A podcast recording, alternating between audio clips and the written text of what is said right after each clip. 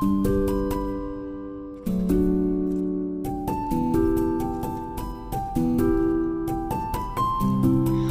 Yansıyanlara hepiniz hoş geldiniz. Ben Zeynep. Bugün Ceyda ile birlikteyim. Hoş geldin Ceyda. Hoş buldum. Ee, bugün Ceyda ile birlikteyiz demek. Bugün aslında çocuk konuşacağız demek.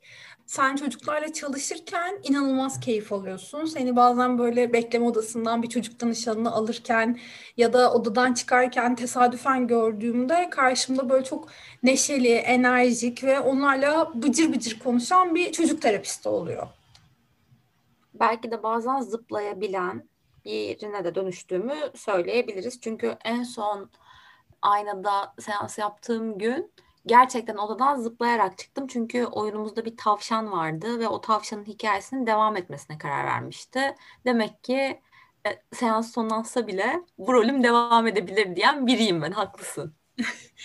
e, o yüzden aslında galiba bir çocukla çalışırken e, onunla beraber bütün o role de giriyorsun ve sen de birazcık çocuk oluyorsun diyebilir miyiz? Evet bunu söyleyebiliriz. Çünkü dışarıdaki hayatımda yani Ceyda abla değil de ya da terapist olan Ceyda değil de sadece Ceyda olduğumda bu benim hep duyduğum ve bazen eleştirilen bazen de çok gurur duyulan bir özellik haline dönüşüyor. Yani o tarafımı koruyorum. Galiba olmasaydı bu kadar rahat yapamazdım. Hangi taraf eleştiriliyor? Ya şey hani kaç geldin? Bu hal ne? Ya da işte birazcık duruma uygun mu davransan acaba? Bu duruma uygun mu davransan acaba diyen sesler benim dışarıda çok keyifle böyle seke seke gitmem mesela ya da yolda bir seksek gördüğümde üzerinden zıplayarak geçebilmem anlamına geliyor. En çok buralarda duydum. Ya yanında özellikle meslekten biri varsa yani yetişkinlerle çalışan biri de olabilir. Benim yaptığım işin doğasını anlayan biri de olabilir. Bunu çok daha rahat karşılıyor ve gülümsüyor. Fakat eğer işte annem, babam, aile büyüklerinden biri ya da mühendis olan bir arkadaşım varsa ne yapıyor bu deli diyor. Güzelmiş. Aslında tam da söylediğin gibi yani sen çocukla çalışan bir uzman olarak e, mümkün olduğunca onların dünyasına girmeye ve o dünyada kendine bir alan açmaya da çalışıyorsun. Onlara ulaşabilmek için. Ama Aynen. bir yandan da e, galiba çocukla çalışırken ya da bir çocuk uzmanı olarak tek temasta olduğun birey ya da danışanın sadece sanki çocuklar değilmiş gibi. Çok doğru dedin. Bir çocukla çalışmak demek onun hanesinde yaşayan herkesle çalışırken onun okulundaki öğretmeniyle, rehberiyle, varsa özel ders öğretmeniyle ya da hayatına giren bütün herkesle çalışmak anlamına geliyor ki abartmıyorum. Gerçekten herkes. Bazı aileler geniş yaşadıkları için geniş aile formunda yaşayanlar olabiliyor. O zaman devreye anneanne, babaanne, dede, büyük teyze ya da teyze annenin kız kardeşiyle falan yaşama durumları da söz konusu oluyor. Ya da bakım veren hala olabilir. O zaman hala ona dokunan her kim varsa o kişiler otomatik olarak benim de muhatabım haline geliyor. Bugün aslında en çok konuşmayı istediğim kısım burası. Yani hepsi senin danışanın mı oluyor? O dengeyi nasıl güdüyorsun? Bir aile e, çocuğunu bir oyun terapistine, bir çocuk uzmanına getirdiği zaman aslında e, ne beklemeli, karşısındaki uzmandan nasıl çalışmanın daha etkili olduğunu düşünüyorsun, hangi sınırları çizmeye çalışıyorsun gibi gibi. Yani soruları tekrar soracağım. Hepsini hatırlamanı aynı anda beklemiyorum tabii ki ama bugünün konusu birazcık bu olsun istiyorum ben. Bakalım senin sorduğun sorulara tek seferde cevap verebilecek miyim yoksa kafanda başka şeyler kalacak mı diyerek başlıyorum. Bence e, deneyimlerim bunu gösteriyor. Eğer bir çocuğu okul yönlendirdiyse yani sistemin içinde ister anaokulu olsun isterse ilkokul ya da ortaokul olsun. Bir okul başlığı varsa zaten otomatik biz orayla kol kola girmiş olarak başlamış gibi kabul ediyorum kendimi. Çünkü o kişiyle iletişime geçeceğim neredeyse yazılı bir kural olmaksızın kendini belli eden bir şeye dönüşüyor. Dolayısıyla az evvel saydığım listedeki okul, rehber, öğretmen ayağını böyle bir ım, akış gerçekleştiğinde gerçekten bilerek başlıyorum. Fakat biraz daha normal şartlar altında diyelim. Yani bir ebeveyn kendi kendine başvurdu ve ben orada aileyle ilk kez karşı karşıya geleceğimi biliyorum. Zaten tercihim eğer ergen değilse ki bu tarafı belki başka bir zaman ergenlerimiz için konuşuruz. Çünkü onların da bizi dinlemeyi sevdiğini biliyorum. Neredeyse yaşı küçük olan çocuklardan daha fazla önemsiyorlar bizim onlarla çalışma sürecini nasıl değerlendirdiğimizi. Ergenleri hariç tutacağım. Ebeveyn görüşmesi yaparak başlamak istiyoruz. Yani yetişkin terapisinden en farklı olan yer aslında çocuklarla çalışmak da burası o çocuğu daha iyi tanıyabilmek, o aile yapısını daha iyi bilebilmek adına ben hep puzzle'a benzetiyorum. Çerçeveyi ben hep puzzle'ı öyle yaparım çünkü. Önce çerçevesini oluşturur, sonra içini doldurmaya başlarım. O çerçeve için aileye ihtiyaç duyuyorum. Tercihim ebeveynlerden ikisi de eğer hayattaysa bir boşanma gerçekleşse bile diyeceğim buna.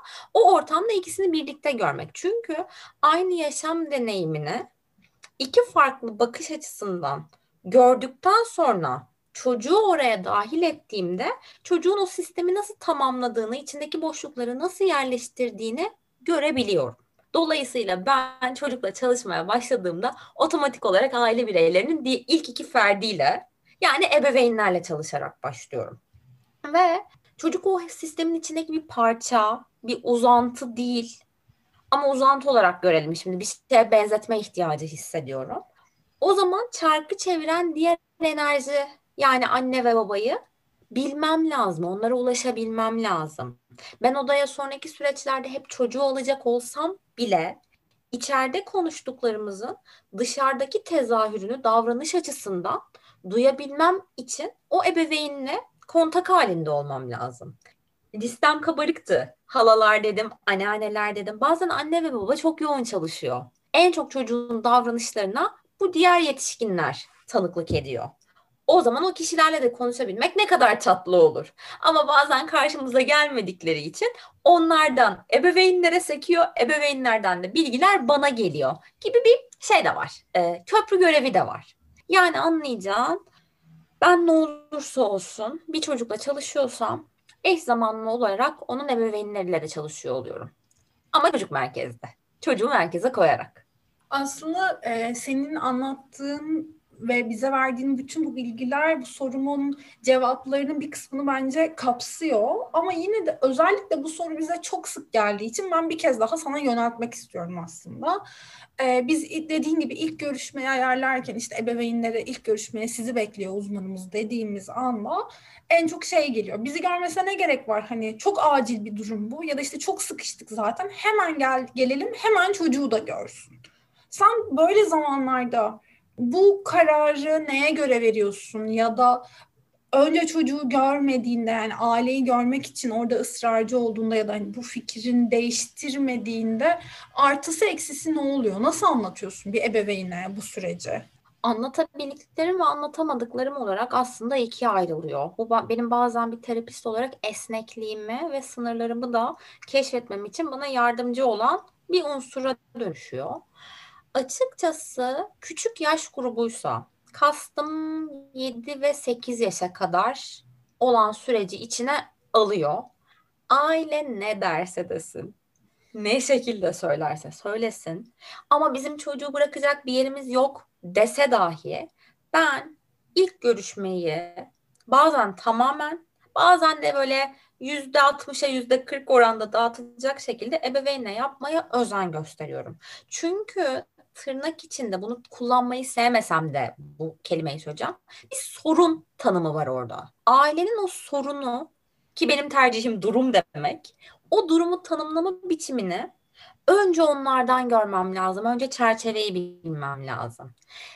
Bizim aynada şöyle bir avantajımız var. Ben onu çoğu zaman kullanıyorum. Buradan da hemen Ezgi'ye küçük bir selam yollamak istiyorum sağ kollarımız var çocuk uzmanları olarak ve eğer aile küçük çocuğuyla birlikte geliyorsa benim de o görüşmeyi yapmam birinci öncelikse çocuğu başka bir uzman arkadaşıma emanet ederek ailenin aklının çocukta kalmasına da bir hani tik atmış olup ben o görüşmenin içine giriyorum. Böylece işler daha kolaylaşıyor. Fakat çocuğun yaşı büyüdüğünde 9, 10, 11, 12 buralar konuşulduğunda tabii ki bahsi geçen durum birazcık daha büyük bir şeye evrilmiş oluyor.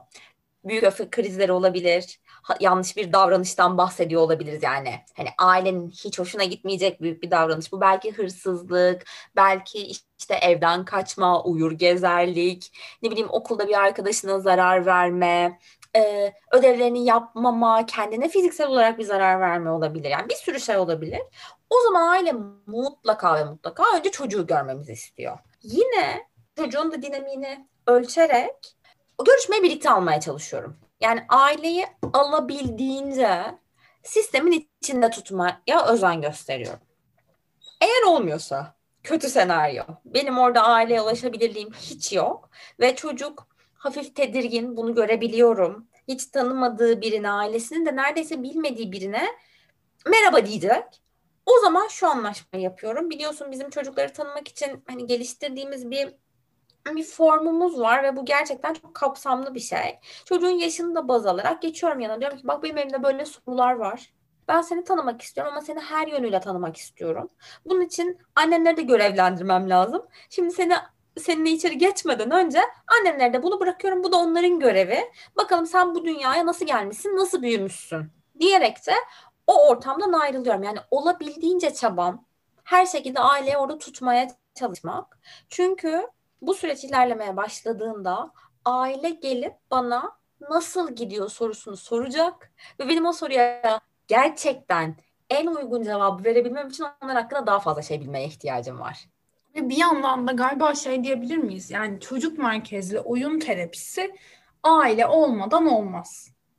Aslında herhangi bir ekoldeki çocuk terapisi aile olmadan olmaz diyerek ben onu genişletebilirim. Çünkü sen de biliyorsun ben bazen sadece EMDR kullanarak da çocuklarla çalışıyorum. Hmm. Yani hani hikayenin içinde sadece oyun terapisi değil bir başka ekol de dahil olabiliyor. O zaman yine aynı şeyi söyleyeceğim. Hiçbir şey değişmemiş olacak. Hatta ve hatta daha küçük yaştaki bir çocuğa EMDR terapisi uygulayacaksam ailenin yüzde yüz katılımına ihtiyaç duyuyorum. Çünkü EMDR geçmiş deneyimlerle çalışan bir terapi ekolü ve dolayısıyla benim o öncesinde bir film şeridi gibi alabilmem lazım. O zaman belki e, şimdi sormak istediğim ya da konuşmak istediğim bir sürü şey var ama hani e, çocuklarla EMDR'ı ayrı bir podcast'te konuşuruz seninle diye hayal ettim. Tamam. Şu an. Evet tamam. Ee, bir, bir yandan da galiba yani e, çocuk terapisti de olsan yani bir çocuk uzmanı da olsan e, ister istemez ya da bu işin doğası gereği birazcık aile terapisi gibi de çalışırken buluyoruz aslında kendimizi. Kesinlikle buna katılıyorum ve bir itirafta bulunabilirim. İlk yapmaya başladığım zaman bu işi bunu dengelemek ve bunu ayırt etmek benim için çok daha zordu. Sınırım nerede başlıyor? Aile ne kadar müdahalede bulunabilirim? Bu arada bahsini geçirdiğim müdahale çocuk üzerinden gelen bir müdahale değil. Bazı durumlarda ebeveynin kişisel süreçleri, kendi yaşam deneyimindeki eski hikayeler çocukla doğrudan bağlantılı oluyor. Biz bunu konuşmaların içinde yakalayabiliyoruz. Ben mesela orada ayağımı frene basardım. Buraya müdahale etme. Bu senin haddin olmayabilir. Bu başka bir terapi sürecinin konusu olabilir deyip genelde ebeveynleri hemencik başka bir uzmanla terapiye de yönlendirirdim. Sonra sonra yıllar geçtikçe e, biliyorsun bizim süpervizyon süreçlerimiz de oluyor, eğitimler de devam ediyor. Kendimi bunu yapabilmeye daha yetkin hissetmeye başladım ve küçük yaş grubu ki kast, kastettiğim küçük yaş böyle 18-28 ay, 18 işte 30 aylar gibi aralıkta.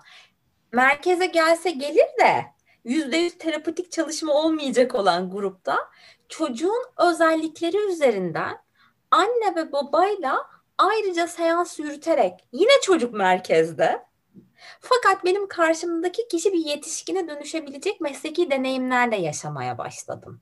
Yani e, başta yapamadığım bir şeyi yapabilir hale getirecek bir mesleki yol üzerinden yürüdüm. Galiba e, yaşı bizden ileri olan ve bu işi çok uzun yapan, yıllardır yapan kişilerin de bize anlatmaya çalıştığı şey buydu. Bu, ben bunu yaşayarak öğrendim. Ve aslında ne kadar fazla kişiden belki bilgi alırsan, ne kadar fazla sen de onların hayatlarına dahil olursan o kadar uzun vadeye de yayılan fayda görebiliyorsun. Değişimi, dönüşümü, o istenen belki davranış değişikliğini ya da çocuğun hissettiği kaygıyı, korkuyu neyse onun yaşadığı durum onun e, daha kolay toparlandığını da böylece deneyimlemiş oluyorsun aslında. Kesinlikle ve buna şahitlik etmek çok da güzel oluyor. Yani bazen aileler kaçırabiliyorlar. Ne olduğunu, nasıl gittiğini ya da beklentiyi kurma biçimlerini tam iyi ayarlayamadığımız için de bu oluyor. Zaten terapi hedefi dediğimiz şey de biraz böyle bir şey. Hani buranın hiç yeri değil. Bu bir ter- şey dersi de değil. Hani psikoloji dersi de değil ama şöyle örnekleyeceğim. Benim ebeveyni tanımam, ebeveynin olaya bakış açısını bilmem ve çocukla çalışmamı üç madde gibi sayarsak terapi sürecinde yetişkin çocuk fark etmeksizin sen de katılırsın bana diye tahmin ediyorum. Bazen mehter takımı etkisi alırız. İki ileri bir geri ama aslında bir adım ilerlemiştir. Ebeveynler daha çok hep hani hemen çözülsün bitsin bitsin deme eğiliminde olduklarından dolayı o bir yeri de çok sarsılırlar. Benim de ebeveyni tanımam, onlara ulaşabilme şansım oradaki sarsılmaya da şefkatli bir kucaklama açabilme alanı tanıyor. Ve bunların o ebeveynlere iyi geldiğini görmek de bana kendimi çok iyi hissettiriyor. Şey diyorum bazen iyi yakaladın, aferin sana Ceyda deyip kendi kendimi de gazladığım zamanlar oluyor. Aslında tam söylediğin gibi yani terapi sonuçta e, evet insanların tırnak içinde iyileşmek için geldikleri bir yere olsa da birazcık hani şey gibi yani gül bahçesi değil dikenler de var ya da belki tam gül bahçesi gibi. Dikenler de var, güzel kokular da var, zorlayıcı kökler de var. Terapi biraz böyle bir süreç. Bazen daha yorulduğumuz, çocukların bazen kızgınlıklarının daha arttığı günleri, dönemleri geçiriyoruz. Tam böyle zamanlarda sen daha önce o aileyi tanıdığın için hem bu gelişen duruma nasıl tepki verebileceklerini biliyorsun. Hem de sen onlara bir şey söylediğinde artık onlar sana güvendikleri için senin söylediklerinle sakinleşebiliyorlar aslında. Böyle bir artısı da var o çerçeveyi kurmak dediğin sürecin diye düşünüyorum. Kesinlikle öyle ve bunu en çok ne zaman hissediyorum dersen böyle yıllardır tanıdığım ailelerde bu farkı keskince görebiliyorum bu şey demek olmasın bir terapi kaç yıl devam ediyor niye böyle şeyler söylüyorsunuz gibi bir şey değil. Yaşam gelişimsel bir döngü ve her dönemin kendine has özellikleri var. Bazen 4 yaşındayken tuvalet alışkanlığıyla zorlandıkları bir deneyim. Bundan 3 yıl, 4 yıl sonra ilkokula başlayıp okuma yazma öğrendiklerinde başka bir alandan kendini gösterebiliyor. Ve orada biz ilişkiyi kurabildiğimiz için aile bu dinamiği bildiği için kendini yeniden iyi ve güvende hissettiği bir yerde olmayı tercih ederek hareket ediyor. Kastım böyle bir göndermedi. Tabii ki uzun süren terapötik deneyimler var ihtiyaca göre. Fakat benim buradaki örneğim kesinlikle yaşamın farklı alanlarında karşılaştırmayı kapsıyor. Aslında biraz şey gibi hani e, bir problem yaşadığında ya da vücudunda farklılık hissettiğinde güvendiğin doktora gitmek gibi birazcık bizim oradaki rolümüz. Ve Aynen öyle günün sonunda eğer çocukla çalışıyorsak, çocuk için iyi bir şeyler yapmak istiyorsak, e, aileye ve onun hayatındaki herkese ihtiyacımız var diye bitirebilirim ben bu şeyi. Sen son ne, ne söylemek istersin? Ee, sadece birine hiç anmadığımı fark ettim bu listeyi oluştururken o da bakım veren ablalar. Genelde abla oldukları için hani e, hani biz bakıcı diye kısaltıyoruz ama bakımını sağlayan anne baba işteyken bakan kişiler de var. Onlar da sistemin önemli bir parçası. Çünkü çocuğun bütün süreçlerini takip eden, neredeyse ona ilişkisel olarak en çok temas eden kişi bile olabiliyorlar çoğu zaman. Ben en baştayken listeye onları eklemediğimi fark ettim. Şey gibi oldu böyle bölüm sonuna yaklaşırken başlık açmak gibi oldu ama siz bunu böyle benim araya en başa soktuğumu var sayın. Hani onları yok saymış ya da önemsizleştirmek gibi asla olsun istemiyorum çünkü. Ve senin cümleni kaldığın yerden kaparken de evet bir çocukla ister küçük isterse orta hani yaşlarındaki bir çocuk. Tabii orta yaş çocuk deyince de biraz tuhaf oldu ama gerçekten öyle bir grup var işte 10 yaş 11 yaş tam olarak orası. O grupla çalışırken ne olursa olsun hayatında onu temsil eden her kişinin benim kontağımda olması gereken kişiler olduğunu söyleyerek ben de küçükten notlamı koyabilirim. Teşekkür ederiz bugün bizimle olduğun için. Ee, herkese dinlediği için teşekkürler. Başka bir yayında görüşmek üzere. Görüşürüz.